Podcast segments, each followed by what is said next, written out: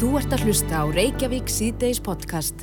Reykjavík síðdeis, það er mikil umræða þessa daga og reyndar herrferði gangi sem heitir eh, Lokum eða á hérna vefsíðinni lokum.is Akkurat. þar sem að maltir með því og, og stjórnvöld beðinum að loka eh, spila kössum uh, endanlega. Já, til frambúðar. Þa, það var gerð könnun fyrir sko, samtök uh, áhuga fólks um spilafíkn og, og samkvæmt þessari könnun þá vilja 86% Íslendinga að- að spilakössum verði loka til frambúðar og þau er að kalla eftir því en um, það er spurning hvort að, við heyrðum það til dæmis inn í símatíma í gæra að fólk er nú ekki endilega á því að, að þó að spilakössum verði lokað að þá sé verið að útrýma fíkninni.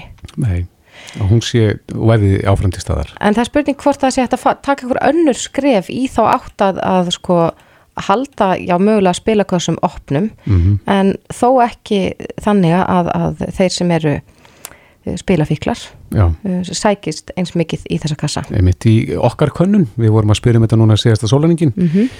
og þá segja um 62% að þeir vilji loka þessum spilakössum til Akkurat. en eh, um 37% ekki. En uh, á línunni er Þór Þorstinsson, hann er formaður landsbjargar, Sliðsafnafélagsins, kom til sæl. Komið sæl. Já, þið njóti góðs af, af þessum spilakössum. Hv- Hvernig metur þú umræðin á þessa herferð sem er í gangi? Já, ég get nú að byrja á því að segja að mér finnst mikill bara mikill hérna kraftur í, í þessum hópi og, og, hérna þó ég sé ekki alveg sáttu við það hvaða leið þau fara í, í, í, sinni herferð, þau fara svolítið meira í mannin í, í, í svona sinni umfjöllun og eru að, að, að byrta auðlýsingar í, í miðlum bara það sem hefur verið að benda, bendla þetta við personur og, og, og, og það er auðvitað ekki gaman að standa í því. En ég, við skiljum þeirra málstað og, og, og hverju þau berjast fyrir og, og, og þau eru í rauninni að berjast að hluta til fyrir því sem við erum búin að vera að berjast fyrir sömu leiðis eigundur Íslandsspila í, á annan áratug. Sem er, að, að, sem er fyrst og fremst það að það sé komið ákveðnum böndum á þetta að Uh, til dæmis það að taka upp spilakortið að sambarlega leiðir sem eru sjálfur sér ekki ný uppfinning heldur það að, að sem að Norrlundin hafa gert og, og, og snúa því að, að, að komi veg fyrir það að fólk sé að eyða um efni fram í svona spilakassa og reyninni bara alla öll peningaspil hverju nafni sem þau nefnast. Hvort það eru spilakassar eða lottó eða, eða, eða getrunir eða, eða, eða tippið eða hvað sem það heitir En hvað er því til fyrirstöðu að þetta myndi ganga upp hér?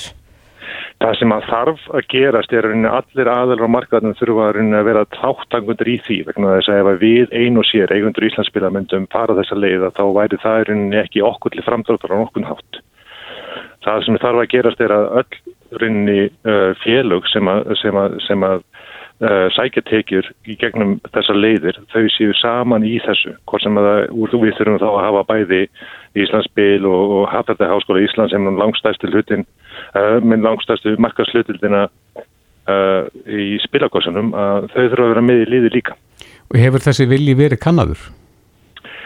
Já, sko, það er kannski fyrst og fremst það að, að, að, að sko, að, hvað getur við sagt að, að, að svona, okkur gengur illa að ná eirum stjórnvalda hvað þetta varðar. Og hins vegar að þá held ég megi alveg segja það að, að það er ákveðin svona björnsinn í gangi núna. Og, og, og, og núverandi dómsmáðar hefur, hefur svona sínt málinu ansi mikinn skilning og ég held að hún sé tilbúin til þess að, að fara inn í ákveðna aðgerðis loksins til þess að, að, að, koma inn í böndum á þetta. Mm. En hvað skiptir þessi starfsemi ykkur miklu máli þegar það kemur að fjáröflun? Já, við getum bara sagt að, að samkvæmt áallin þá uh, gerðum við ráð fyrir um 170 miljónum krónum, miljón krónum í, í, í tekjur frá Íslandsbílum á, á, á síðasta ári en, en það er voru ekki nema rétt um helmingurinn af því. Og það, það var hansi stór, stór biti að kingja að, að, að, hérna að komast gegnum um þá bil 90 miljón króna uh, skerðing og tekjum. Akkurat. En uh, getur það aðeins útskipt betur fyrir okkur sko þetta með þessi svo kallu spilakort sem notuður á Norðurlöndunum geta þau komið í veg fyrir að, að nú eru þessar sögur en á lokum.is sögur af fólki sem að hafa hreinlega spila frá sér gjörsamlega allt Já, það er tilgangur með þeim einmitt að, að sko, svo það sé algjörlega á hreinu að, að sko það eru tekið sem við ekki viljum. Við viljum bara þessar tekið sem eru svona að koma frá fólki sem er bara að lappa fram hjá kassanum og, og langar að spila ör stund og, og, og hafa gaman að. Það eru það tekið sem við viljum. Við viljum ekki hinn að tekið. Nei, en því er haldið framþórað að bróðu parturinn af þessum tekjum og þessum kassum sé mitt frá þessu sjúka fólki. Já, við getum alveg snúið því hvernig sem er og við getum líka sagt á, á móti að langt flestir þeir sem að spila í spilakössum spila bara að ganni sína. Þannig að veist, við getum alveg leikið okkur að, því fram og tilbaka. En, en er það raunin? E, e, hefur það verið skoðað hversu sko margir sem að setja pening í spilakassa eru uh, að spila sér til gamans? Uh, það hefur verið skoðað og, og, og félag og fólk sem spila viknaður einmitt, uh, staði fyrir slíkri konnu og úr, má, úr henni má lesa það einmitt að lang flestir sem að spila í korsum spila sér til ánægi en ekki, ekki til, til hérna vandraða. Mm. En hvernig svona fer umræðan eh, í ykkur? Nú er svona látið að því liggja því séu þarna þykja nánast illa fengi fjö? Já, uh, sko, þetta, þetta er sem bara búið að vera mjög erfitt og, og, og, og hérna ansi mörg viðtöl sem maður er búin að fara í mitt út af þessu. En, en, en ég vildi miklu frekar að við hefðum þennan hóp með okkur í því að, að, að, að berjast í, að, og berjast að því að koma þessum uh, spilakortum á. Mm -hmm. og vegna þess að við vitum það alveg að það loka sjálfur sér spilakort sem er engin lækning á spilafík en við viljum komast, koma einhvern veginn höndum, höndum á þetta og en, en það verður mjög erfitt vegna þess að, að fíkillin leitar sjálfur sér alltaf þangað sem að hérna í sína leiðir og, og, og það er að spila þetta á netinu fram og tilbaka sem er leiðis og það er að fara 5 miljardar um það bila land, uh, úr landi og ári í, í netspilun uh, og erlendum netsíðum Akkurat. sem eru þá líka tekjur sem að, sem ríkja er algjörlega að missa af. Já, en, en hefur, hafið þið átt samtal við samtök áhugafólk sem spilafíknur og reynda að já, koma á samstarfi um þetta sem spila kort? Uh, Þegar að segja þá hefur mér ekki neginn, uh, ekki tekist að ná eirum þeirra vegna þess að þau hafa verið inn í ákveðina herrferð og, og ákveðið að fara í þessa baróta á þann hátt að það hefur ekki verið grundlu fyrir því. Nei. Finnst þið líklegt að þeim verði að vilja sínum að þessu verði lokað? Ég skal ekki segja um það, það er ekki okkar ákvörðun. Við, þetta er ákvörðun leið sem að ríkið er að fara til þess að standa og stiðja við rekstur okkar og fleiri, fleiri, fleiri fyrirtækja sem að eru sem slutað þriða gerunum. Og það er, það er stjórnmátt að taka ákvörðun um þetta.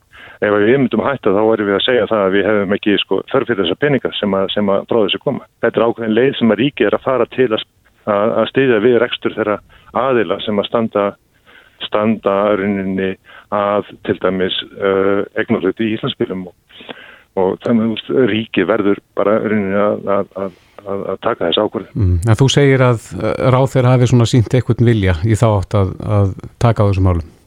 Já, ég, ég er bara nokkuð björnsitt og það er búið að taka okkur eins og ég segja á annan áratug að koma þessu á og, og, hérna, og ég er bara fulli björnsinni. Já, Þór Þorstinsson, formaður landsbyrgar, kærar þakki fyrir þetta. Takk fyrir. Þú ert að hlusta á Reykjavík C-Days podcast.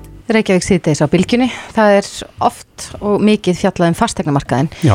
En ég held að það sé eitthvað svona undarlegt í gangi núna allavega virðist að vera þannig að frettum að dæma. Já, einmitt. E, og virðist vera sem að sé bæði skortur.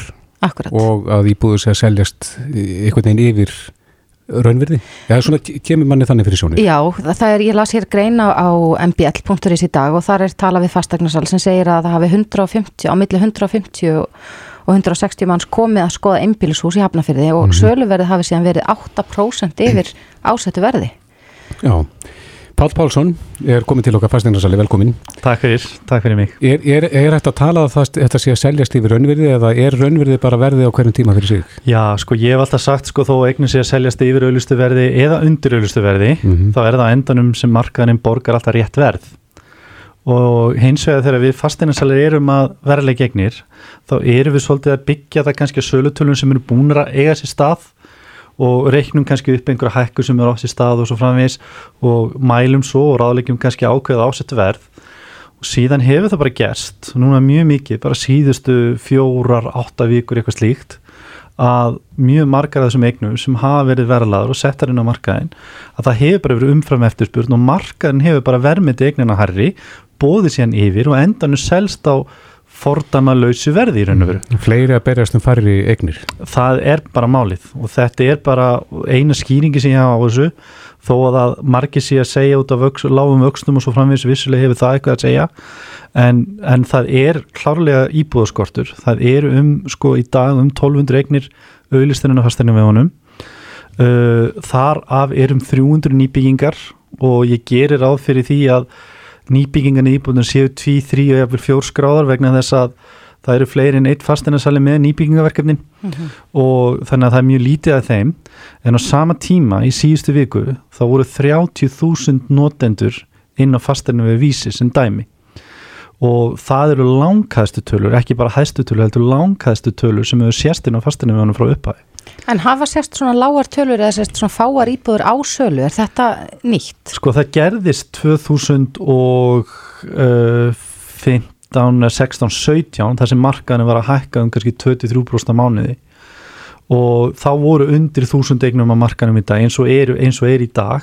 Þá verð, varð svona stökki verbreytingu en, en það er mjög langt síðan að það hefur verið en bara það er klálega íbúðskort og það er staðist ástæðan fyrir því að aðstæðan er eins og hún er mm -hmm. En getur verið að þarna séum að ræða fólk sem er að kaupa kannski aðræk til þess að leiði út, sé ekki endilega að kaupa sína fyrstu eða, ekki til að búa í? Það eru flestir sem að sem eru að skoða eru annarkort fyrstu kaupendur, það er mm -hmm. yfir 30% af þeim sem eru að kaupa íbúður í dag eru fyrstu kaupendur, svo þeir sem eru að taka næstu skref svolítið mikið þar að segja fólk sem er að fara úr kannski fyrstveigninni sin, mm -hmm. akkurat, sem er kannski farvar einhver þryggjaherbyggja yfir í fjaraherbyggja eða þeir sem er að fara kannski úr hæðunum yfir í rað parið einbili. Það er því að við erum að tala um það að, að vextin eru svo lágir Já. og uh, það hefur alltaf verið að tala um það að það sé góð fjárfestinga, fjárfesti steipu. Já, einmitt. Þannig að það er spurning hvort að einhverju sé að nýta sér þetta sem, sem fjárfestingu? Já, við höfum alveg tekið, hef alveg tekið umræðina við marga, þú veist, á maður að býða, á maður að kaupa eða hven er rétti tíma að kaupa og selja. Mm -hmm. Málið það, allavega síðustu 30 ár, þá hefur fastegn aldrei lakkað í verði. En vissulega geta, og sko, innan tíura tímabils hefur aldrei orðið lakkun á fastegnaverði en það hafa komið sveiblur innan tíra tíðanbilsins mm -hmm. en það er mjög fljótar að jafna sig. Og ég tek gott sko besta dæmið er að mínu mati þegar að sko fasteinamarkaðin hækkað um 30% árið 2007 en það sem er annar annað viðmið til að sjá hvort þessi innistæði fyrir þeirri hækkun er svo kallar kaupmáttaraukning. En árið 2007 þá var kaupmáttaraukningin um, sko, um 1% en fasteignaverið fór upp um 30% og fyrir þann sem er að fylgjast ágætlega með sá það alveg að þetta var bólumyndun mm -hmm. og síðan var það náttúrulega raunlækun á fastegnaverðum í sem kom í framaldi árið 2008, 9 og 10 þar sem verðbólgun fóru upp þó að talan sjálf held sér alveg að þá er alltaf talað um eins og raunhækkun, raunlækun mm -hmm. ef þú tekur sko, ef þú væri 10% hækkun á á fasteinaverði, verðbólgan verið 5% þá er talað um raunhækkunum sé 5% mm -hmm. kannski er þetta svolítið flókið en, Já, en þeir skilir kannski pointið, punktin sko. en, en þú sagðir að á þeim tíma sem að já, fasteigna verið hækkað svona greiðarlega árið 2007 að já. þá hafi einhverju séð svona bólumyndun Já. hvernig, hver er staðan núna? Eh, ég er að fylgjast með því og ég skal tala við ykkur svona mánumóti massa-apríl og láta ykkur vita það en það nefnilega er mjög förðulega tölur til þess að berast frá þjóðskrá sem mér finnst sko með janúartölur þá hækkaði markaðin um 0,1% en það eru mögulega þinglistir kaupsamningar sko inn í desembermániði og jæfnvel í novembermániði mm. þannig ég held að það sem er að gerast núna markanum kemur ekki ljósverðin í mars-april og þá ætlum ég að fylgjast með því hvort að hækkunum sé eitthvað óraunhæf með að við kaupmátturaukningin en ég held að sé ekki reyndar. Nei, en uh, það var svolítið talað um það hérna á síðasta ári þessi hluteldarlán Já. heldur að þau sé að hafa áhrif? Heldur að, og þú talar um að þessi er svo margir að kaupa fyrstu eign og, og þessi hluteldarlán þetta hjálpa uh, þeim sem er að kaupa svona fyrstu eign? Mm -hmm. Sko hluteldarlánin, þú getur engungu nýttir hluteldarlán eða þú ert að kaupa nýbyggingu. Mm -hmm. þannig að ég held að sé ekki að Og, en ég veit að það er mjög mikil eftirspurn í hluteldalánin mm -hmm. en, en grunnurinn á vandamann er það að það vantar fleiri nýbyggingar. Vegna þess að þær hafa svo mikil markvöldan áhrif það er að segja einstaklingu sem á raði að parhúsi Lundunum í Garðabæ kaupir sér nýbyggingu er mögulega að minka við sig og bara út af því eigninu Lundunum er að koma mm -hmm. að þá er kannski parhús í Hafnarfyrði þaðan kemur hæð og þaðan kemur íbú þannig að kannski þrjárfjórar eignir út á eina nýbyggingu mm -hmm. og ég hérna hef alltaf verið að hvetja sveitafjölunir að hafa kannski eitthvað samræmda áallun um það að passa það að það sé alltaf nógu mikið frambúða nýbyggingu á hverjum tíma þannig að sé ekki einhver tímabili sem er mjög mikið frambóð og mm -hmm. annar tímabili sem er mjög lítið frambóð Hvaða sveitafjölu er að standa sér best og hvaða sveitafjölu er að standa sér vest í þessum? Um, sko ég, ég, ég við tökum þetta bara svo vestur hodnið Já, sko sko Selfos hefur að standa sig ágætlega. Bara raun og verum bara mjög vel. Uh, Ölfus, Þólásson ég hef verið að benda fólki að það sé svolítið svona áhugaverðu staður.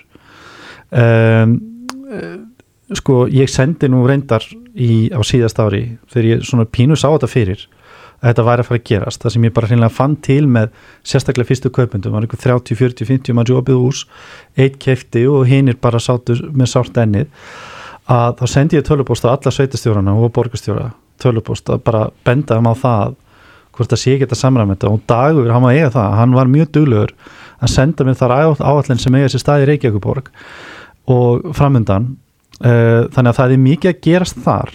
Uh, seltinnis er að vera uppselt það er einhverja 140 íbúður sem hægtari byggjar við bót landflamiði kóp og er verið uppselt um, en það er kannski það fyrsta sem er dætt í huga kannski hafnarfjörður mm -hmm.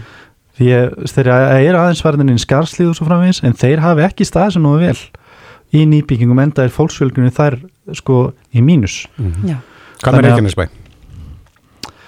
um, bara þekkja það ekki alveg náðu vel til þess að vera alveg hinskilin en ég finn það alveg sko að með þéttingu byggðar þá hefur fólk verið að horfa svolítið í útkvarfin og hérna eða, eða er nágranna sveitafjölu eins og Reykjanesbæ hverjir er Selfos og Akranes mm -hmm. en Reykjanesbæ hefur verið að standa sig bara ágætlega síðustu 2-3 ár mm -hmm. En Akranes, hefur kláðum þetta bara? Já, Akranes um, þekkið ekki, alveg okay. En, en það vantar bara húsnaði öllum þessu sveitafélagum, það er bara samtum álega allra. En kannski að lokum, Já. ef þú þurftir að ráðleggja einhverjum nákvæmlega því að hvað, ef, ef maður sæti með peningi mm. banka, mm -hmm. er rétti tímin að kaupa núna eða ámar að reyna að býða? Sko, það getur líka verið dýrt að býða vegna þess að fastegna verið eðli sínu og síðustu 30 ára meður hækkaði meðaltali 6% ári. Mm -hmm. Það er meðalhækkunni sem er átt í stað árlega Ég gerir á fyrir að hækkuna þessu ári verður ykkur stað bilinu 8-10%. Það er bara mín spá, ég hef raun og verið ekkert fyrir mér í því, en bara mín spá og þá getur ímyndið að það 50 miljónir krónir eigmun kosta þá 55 miljónir eftir eitt ár. Mm -hmm. Þannig að býða og kaupa þá frekar á 55 miljónir er heldur ekki góð ákvörðin. Þannig að ef ég ætti svona laun sem penning, var að fara inn á markaðin og ég er að raun og verið að ráleika mínu megin sinni að, að fara núna inn á markaðin og bara og býða þannig að ég myndi ekki, ég myndi ekki býða eftir að fara í lækkunni eitthvað slíkt. Mm -hmm. allavega það er engin ummerki um það að markaðan sé ykkur leginni niður að mati allra greiningar aðlega sem er á markaðinu Já, áhugavert. Pál Pálsson, uh, fastegna á fyrirtækjasali hjá 450 fastegnarsölu Kærar þakki fyrir að koma Takk kærlega fyrir mig. Hlustaðu hvena sem er á Reykjavík C-Days podcast. Jæja, Reykjavík C-Days á bylginni Við ætlum að snú okkur aðeins að dælutýrónum Já, það eiga margir gældir. Ég er alltaf að koma að staði sko, ég er ekkit, ég ætlum kannski ekkit að segja þessi yfirlist, uh, ég er ekkit að móti dýrum, Nei. en mér langar ekkit sérlega mikið að eiga dýr. Nei, en, ég veit að það er margir sem skilja það ekki. Nei, ég, ég hins vegar skil ekki alveg hitt. Nei, en uh, dýrahald hefur aukist og sérstaklega í þessu COVID ástandi og, og sumir hafa reyndar kannski fengið sér dýr í þessum faraldri svona vegna einmannaleika margir hafa einangrast og, og um, þetta er svo sannarlega líðhelsum álíka. Já, ég las hérna greinin á vísi.ri sem ber heiti Dýraþjónusta Reykjavíkur og, mm. og uh, þar kemur meðal annars fram að sko áðurna samkomi takmarkana voru settar á þá fjölgaðu umsóknum frá heilbreyðstofnunum aldraðra um leifi til að fá til dæmis hunda í heimsókn mm -hmm. í meðfreskinni uh, þeim fjölgaði rosalega. Já. En á línunni er svo sem ritaði þessa grein, það er eh, Sabín Leskoff, hún er borgarfulltrúi samfélkingarnar og formaður stýrihóps um dýraþjónustu. Komdu sæl. Mm, sæl. Já, þetta, þú talar hérna með þessari greina að það er mm -hmm. sennilega núna og veru eins og þú segir óumdeilt, ekki síðst núna í COVID-inu að gælutýrahald er líðhelsumál, frístundaiðkun og útivist. Mm -hmm. er, er, er þetta að farast í aukana að fólk eigi dýr? Já, það, ég held það er alveg, alveg ekki spurning. Um, það, það var, það hefur verið svolítið þróun á síðustu árum held ég. Það er mikið breyting, mikið jákvæðni og miklu miklu fleira fólk sem vilti eiga dýr. Mm -hmm. En núna í COVID-19, já, við teljum að það er reynilega valla hægt að fá kvolpa eða kettling lengur. Fólk hefur svo mikla þörf. Og þetta er eitthvað sem við þekkjum náttúrulega líka ellendist frá. Ég bjó í Berlín eitt ás og ég man svo mikið eftir það voru svo margi gamlar konu sem maður fann bara, þeir átt þær áttu bara þennan eina hund, þennan litla hund og svona og þetta er eitthvað sem við erum að skilja meira og meira. Gæludýr hafa mikla þýðingu fyrir fólk, fyrir fjölskyldu og, og, og bara vel í það. Já, eru ofta tíðum sko, bestu vinir og stundum einu mm. vinir?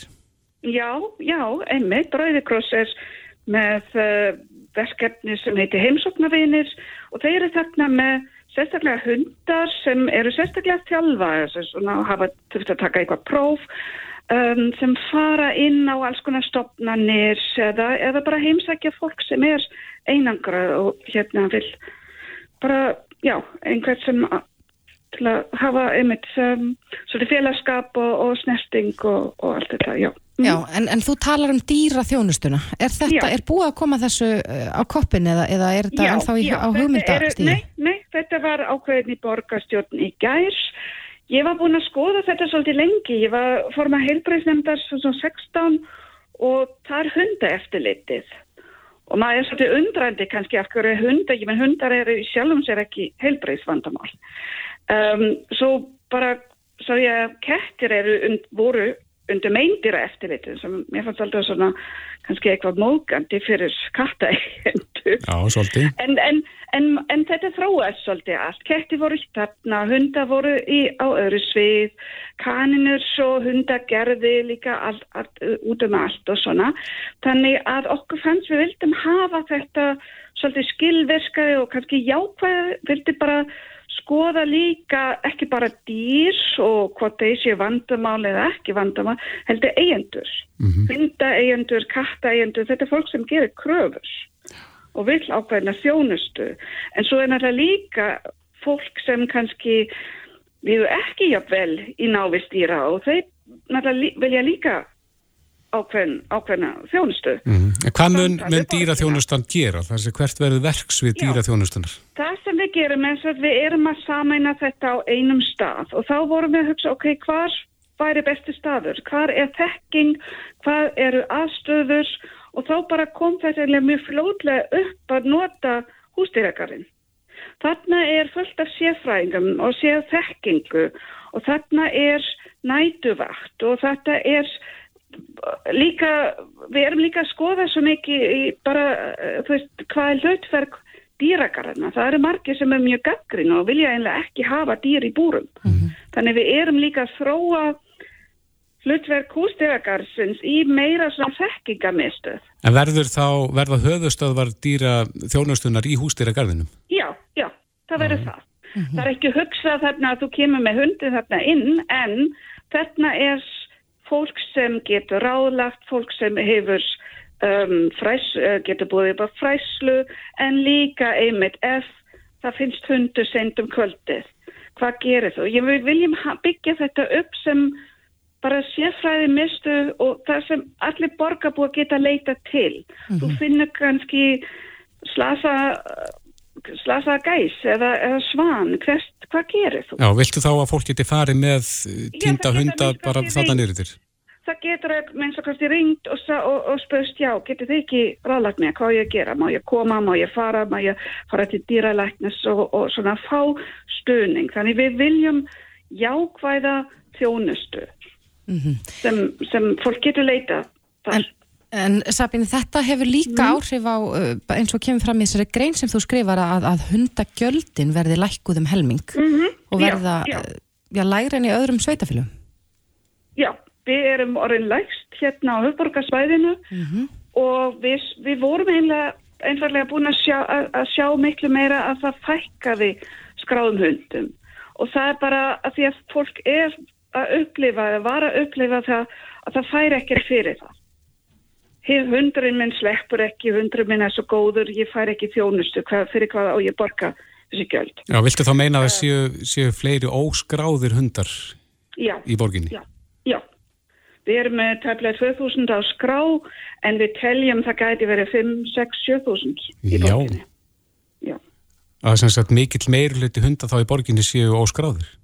já, já, við teljum það. Já. En hvað með kettina? Uh, kettina, kettina eru ekki skrá, næ, það er ekki skráninga uh, kerfi og það eru ekki gjöld. En vitum við hvað eru margir, cirka, kettir í borginni? Uh, það eru örglega fleiri en hundar Já. En, en, en við hefum ekki nákvæmum tölu, nei. Nei, en, en hvernig eru, sko, eru til, er til tölfræðum það hversu mörg heimil eru með gæludýr bara hennilega hér í höfburginni? Við erum að rekna með tæmlega 40%. Já, eiga eitthvað tægi. hund eða kött, Mhm. já. Mm Akkurat. Og það er kannski, það er, uh, við höfum heyrst að fólk er að giska svona út frá innflutninga og fóðri. Já, Þá getur maður kannski gefið sér ákveðin fjölda, já. já. En hvenna tekur dýraþjónustan til starfa í, í breyttri mynd með höfðustöðar í hústýragarðinum? Það er uh, að gerast. Erum uh, hérna að byggja þetta upp núna, svo á einlega bara eftir að endur nýja samþyktis, Mm en þá er þetta að gerast. Við erum Atli- að, að ákveða þetta í gærs. Ætlið að bjóða dýralæknum að hafa aðsettur þarna í hústýragarðinum? Mm, nei, það er ekki gett ráð fyrir. En það er náttúrulega dýralækn, hérna hústýragarinn ánáttúrulega er, er með aðganga að dýralækni, en, en þe- nei, þetta er ekkert, Nei. Nei. ekki þannig séð. Sabín En Leskov. hugmyndin er að fólk getur leita þarna og fær stuðning. Já, frábært. Sabín Leskov, borgarfulltrúi samfélkingarnar og formaður stýraópsum dýraþjónustu. Kæra þakki fyrir þetta. Mm, já, takk sem leiðis. Reykjavík síðdeis á bylgjunni. Jæja, Reykjavík sýteis, það er nú alltaf verið að hamra á því að við þurfum að ráðast í framkvæmdir, ímislegt sem þarf að gera, Já, það hefur verið talað um það lengi vel að styrkja fyrir innviði Já. hér á landi. einmitt. Nú, eh, samtök ínaðarins og félag ráðgjáverkræðinga kynntu stíslu e, í morgun e, sem að bar heitið innviðir á Íslandi, ástand og framtíðar horfur.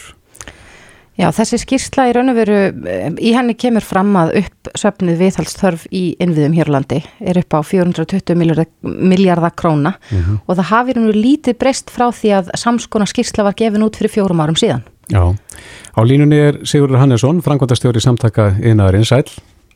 og með sæl. Já, svona meira við þetta að, þetta sé svona svipu staða, hver hefur dreigið lappirnar?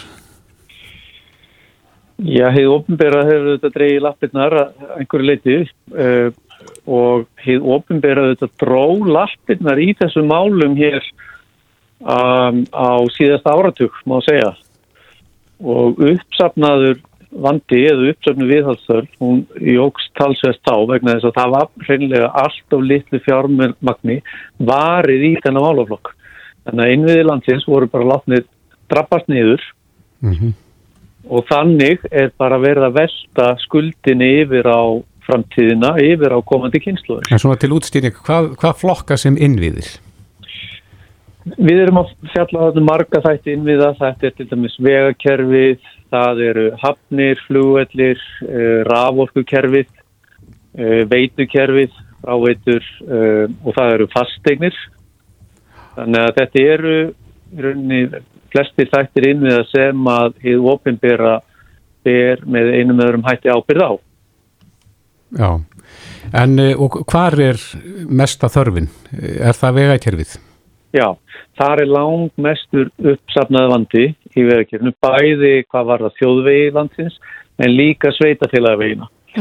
Og þar er sko, var það þjóðvegina, þá er metið og uppsafnaður vandi sé um 110 miljardar. Og svo bætist ofan á uh, 50 til 80 miljardar varandi sveitafélagvegina. Akkurat. En verður hægt að vinna þetta upp? Þetta eru, þetta eru rosalega háar upphæðir. Munum við einhvern tíman vera á, á já, núlpunkti? og ég held að það sé ekki spurningum hvort það sé hægt, það er auðvitað hægt en það er algjörlega nöðsynlegt að bæta úr vegna þess að innviði landsins eru nöðsynlegir fyrir verðmættasköpun, fyrir útlutningsatunavegin hans og dæmis í tekið, ferðamenn keirum á vegum landsins, þeir koma til landsins í gegnum flugvelli, sjáurður þar hafnir fyrir sína verðmættasköpun, orkusækin innar þar rammagn og svo framvegis. Og því til viðbótar snýri þetta líka að bara lífsskilirðum á Íslandi. Já. ekki síst hvað var það bara byggð í landinu í, í, í, út á landi og en líka þetta bara hér á, á höfbruksöðinu þannig að það verður hreinlega bæt úr en Það hafa verið bóðaðar framkvæmdur og meðalans í vegakerfinu hvað, hvað rekkur það skamt?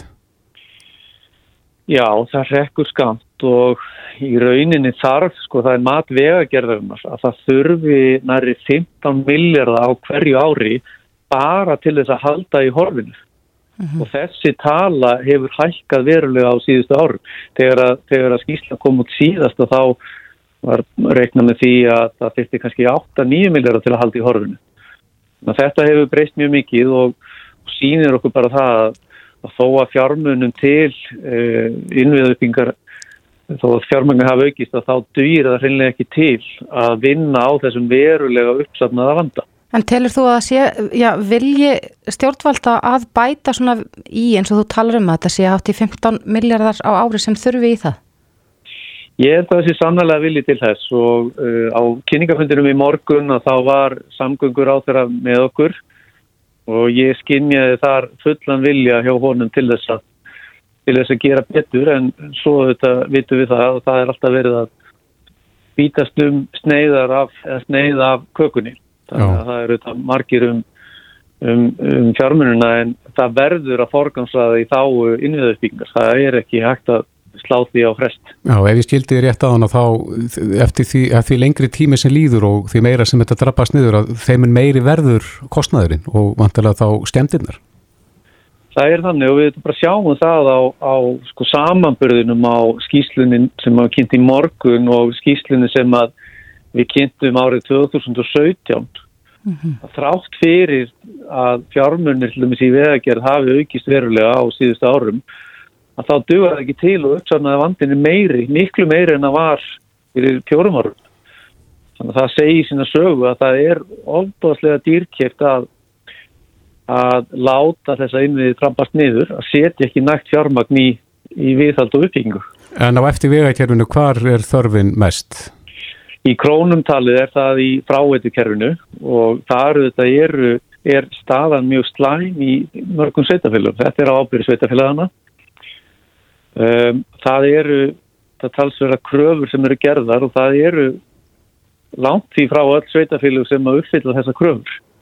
En góðu fréttunar eru þær að miða því þau áform sem við höfum séð og fjallaðurum í skýslunni að þá má búast í því að staðan verði betri í þessum málum eftir tíu ár.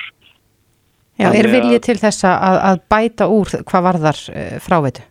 Já, það er viljið til þess og, og sveitafélagin viðast er að, að, að svona, sko, taka frá fjármunni í þessi brínu verkefni. Mm -hmm.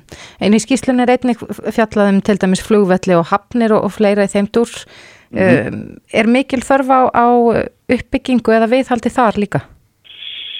Já, það áhugaverða er að, að, sagt, að við metum líka framtíðar horfur eftir tíu ál, sem sagt hvort að staðan verði betri eða verri miða við fyrirleikjandi áallanir eftir tíu ár.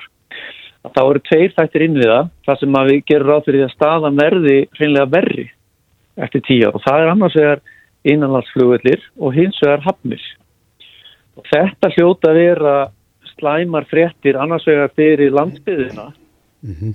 og hins vegar fyrir uh, bara útflutningsgreinunar, sjáurútegin og ferðarþjónustuna. Já, en við hefum líka verið á þeim tíma núna það sem að ferðarmenn hafi ekki verið að koma til landsins. Er, er þetta drauma tími fyrir svona uh, verkefni og, og aðgerðir?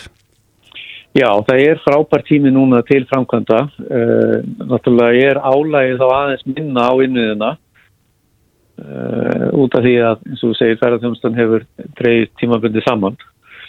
en líka er það hagkvæmt í efnaðarslegu tilliti vegna þess að það eru þetta slaki í hagkerfinu og er svona upplagt að nýta aðstæðu núna til ofinbæra fjárfestinga sem að ver þá störf í landinu og, og skapar vermaði mm -hmm. og leggur auðvitað grunn að, að framtíðar uppbyggingu því að eins og við þekkjum að, að og höfum rætt að atvinnu vegi landsins reyða þessu þetta á innviðuna og virði innviða fyrir samfélagi e, og hagkerfi er langt umfram það sem kostar að, að sko stopna þessi innviði mm -hmm. þess að þeir eru svo mikilvægir við verðmættasköpununa það er svo brínt að þeir séu í lagi Einmitt. Sigurður Hannesson, frangotastjóri samtaka einaðarins. Kæra þakki fyrir þetta. Sumulegis, takk. Þetta er Reykjavík C-Days podcast. Reykjavík C-Days, við heyrðum í Andris Inga Jónssoni, þingmanni, hér um daginn, þar sem hann var búin að leggja fyrir eh, spurningar til heimliðisáþura varandi ádraskuna teimi landsbítalans. Mm -hmm.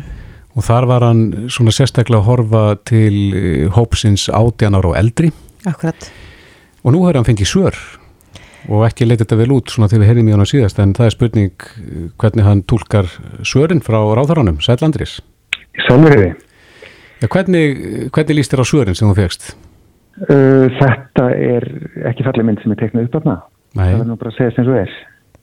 Það kemur fram í svarinu að, að, eh, nú býða 84 einstaklingar eftir meðferð hjá átrúskuna teiminu á landsbítalunum en árið 2016 voru einungist 12 á bygglista sem veru þó 12 manns. Eh, þetta lítur að vera mikil aukning. Þetta er þá og hún hefur verið stöður síðustu þrjú árin. Og sko bygg tímin er líka sláandi, hann er 18 til 20 mánuði núna. Mm -hmm. og sko með átbröskum þá erum við að tala um eitt bannvænasta gæðsjúkdóminn sem hægt er að takast á við. Og því lengur sem fólk býður á bygglista því sko það, það, það verður vítarhingur, fólk verður veikara þegar lofsins kemst af, þar með þarf meiri tíma innan teimisins til að vinna á sjúkdómnum. Og þá þarf fólki sem býður að býða lengur, þannig að sko ef er ekki tekið almeinlega á þessu ástand í dag þá erum við bara í verulegum andræðan.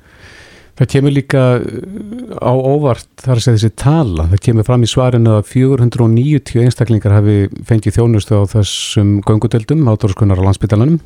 Mm -hmm uh, á síðastlunum fimm árum. Þetta er rosaleg tala. Þetta er stór hópur og sko en það sem við sjáum líka að gerast, ég fæði þarna tölur yfir 5 ára tímabild, 2016 til 20 og eins og það nefni þá, þá far, fer byggðlistin úr 12 manns upp í 84 en á sama tíma fer fólk í þjónustu sko úr 200 manns niður í 107 á síðast ári. Mm -hmm, þannig að afkasta getan er minni þá að? Já og það væntanlega hluta til vegna sko þess að aðstöðuleysis sem að við rættum síðast að e, deiltin þurft að flýja mikla húsnæði á, á skólaugahaldinu og, og var alltaf á hrakkolum þanga til var þetta að lenda hóknum inn á kleppi en líka bara vegna þess að það vantar mannskap. Það hefur fækka stöðugildum á þessu tímbili úr 7,5 niður í runglega 5. Mm -hmm. Það kemur líka í ljós þarna að þetta er nú aðalega konur að megninu til af þessari tölur 430 konur en 60 karlar og þetta er sjúkdómur svona yngri hópsins að miklu leiti. Já, já og það er náttúrulega eh, svona það sem maður kannski óttast að vegna þess sko vegna þess að þetta er geðsjúkdómur og þetta er sjúkdómur sem, sem hérna, herjar aðalega á konur og það er ungar konur að þá kannski sé sé margþættir fordóma sem að valda því að þessi er ekki tekinu og alvarlega. Mm -hmm. En hvað er til ráða, Andris? Hvað er hægt að gera núna til þess bæði að, að sko minga bygglistan og byggð tíman? Já, það hefur eitthvað að marka viðbröð innan úr kerfinni í viðtölum í gær þegar svörin lágur fyrir. Það er þetta sko beinfalt, það vantar bara húsnaða, það vantar mannskap og síðan þegar að sko þessi bráðavandi er úr sögunni þá vantar langtíma plan og það er einlega það sem að ég er kannski mestar áökri af í svarinu að sko ég spyr ráðferðan út í sko út í það hvort hún telli ástæði til að móta bara heilstæði stefnu um langtíma meðferð og bara hvernig við hægt að taka á þessu og það er boltanum eiginlega alveg veld yfir á landsbítalan en það eru þetta ráðuneyti sem á að móta þessi stefnu. Mm -hmm. Hvernig er staðan þegar það kemur að hópnum átjánar og yngri? Það nefnilega er ekki, því, því er ekki svarað en, en vonandi er staðan betri þar. Það, það er allavega, vantilega hefur, hefur þjónustan haldist innan bugl á rófið mm. en, en þessi þjónustan sem hefur þurft að flytja mellir staða En getur verið Andris að, að staðan sé betri þar að því oft er, er, er þessi sjúkdómar að koma fram þarna í kringum kynþróskaldurinn og aldingt hjá kannski 15 ára stúlkum en þegar að fólki verður síðan 18 ára verður þá bara breyting á þjónustinni? Það held ég að þetta geti verið. Þá þarf kannski meira yngripp til að geta fengið fólk í þjónustu Uh, og kannski lengri aðdraðand þarf að tala um fyrir manneskinni lengur það er ekki, það er ekki sama vald sem einhver hefur yfir þér eins og þegar þú ert uh, undir átennara uh, eh, og fyrir viki þá er fólk kannski veikara þegar það kemst lóksins á þann stað að, að sækja sér aðstof mm -hmm. Já en kannski sko fólk sem að er inni á bugl En, en er, síðan, er því síðan vísa á dyr þegar það verður átjónara? Færða þá ekki þjónustun áfram? Uh, jú, heyrðu, það, hérna, það var reyndar nefnt í svarinu að sko, fólk sem er í þjónustu á byggli að það, það hérna, því er haldið í þjónustu þar í allavega sko, til 19. aldurs þannig að það, Já, þannig að það hefur forgang mm -hmm. En þú talar um að stöðugildum hefur fækkað um, um sko rúmlega tvö stöðugildi Já. Hver, var einhver skýring gefin á því? Hvers vegna færri starfa en, en það er þó fleira að býða? Það er bara svona, það er aldrei sigur húðar. Það er bara tal, talað um að í svona litlu teimi þá, þá séum miklar sveiblur eðlilegar og það eru auðvitað skiljanlegt þegar með sjömanna teimi þá þarf ekki að missa nema tvo til að vera komið niður í, í þetta lítið en þetta hlýtur að endurspegla, ég meina fólk kannski bara brennur út við að vinna við svona aðstæður ár eftir ár að hérna, vera ofáliðað og vera ekki almeinlega húsnæði. Mikið álag. Þetta er náttúrulega gríðalegt álag, þetta eru, þetta eru mjög hérna, þung tilvik sem að oft koma þarna inn og það er náttúrulega það sem að vanta líka sko, með að við erum ennþá að sko, spóla þessu hjálfari að reyna að laga þennan bráðarhanda sem að er varðandi átrúslega með fyrir á Íslandi þá erum við ekki að taka ásíðan sko, langtímavandanum sem að þyrsti að gera bara með því að vera með einhver úrræði fyrir sjúklingar sem tekur lengri tíma að, að hérna, lækna mm -hmm. bara, bara einhver hérna, eh, meðfæraheimili til dæmis eða hvað það er og það er væntalega skýringin á því af hverju í svarinu kemur fram að á þessu tímabili þá hafi verið samþygt meðferð erlendis fyrir fjóra einstaklinga.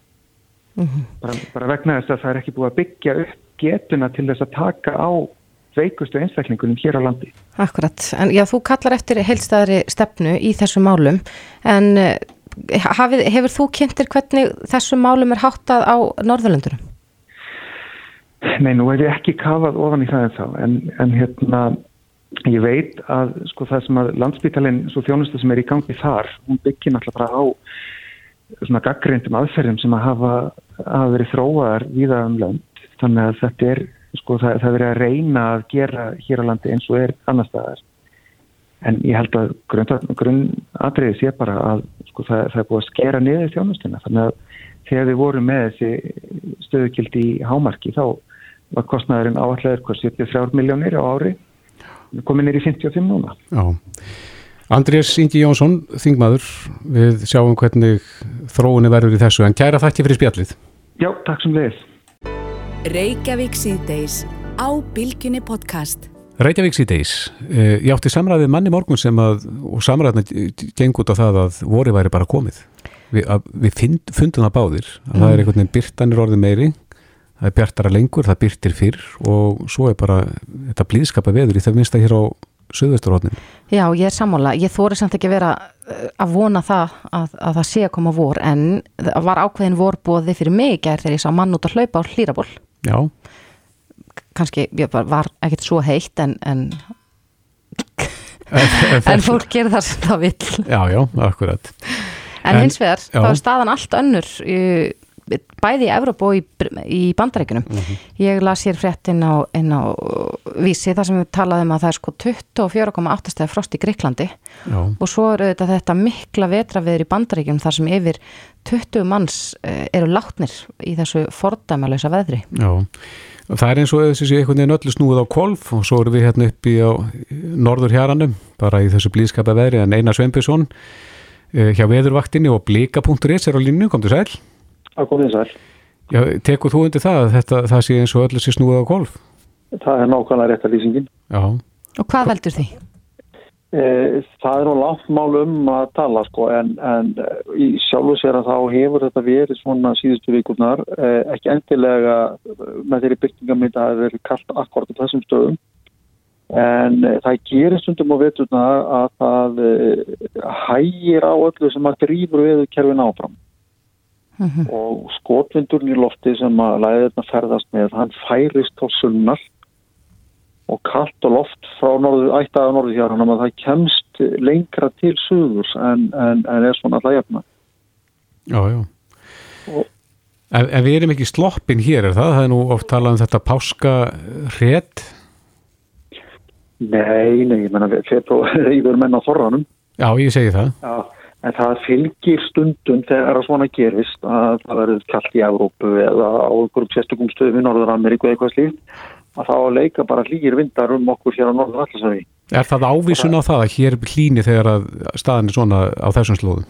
Ekki alltaf stundum og, og uh, það er maður hefur séð, séð það oft gerast og það týðir ekkit á svona dögum að vera að bera sér saman eins og þeir í bandaríkjónum að það sé kaldara í Texas-eldurinn í Anchorage í Alaska þó að það sé alltaf þannig að meðalagi mm -hmm.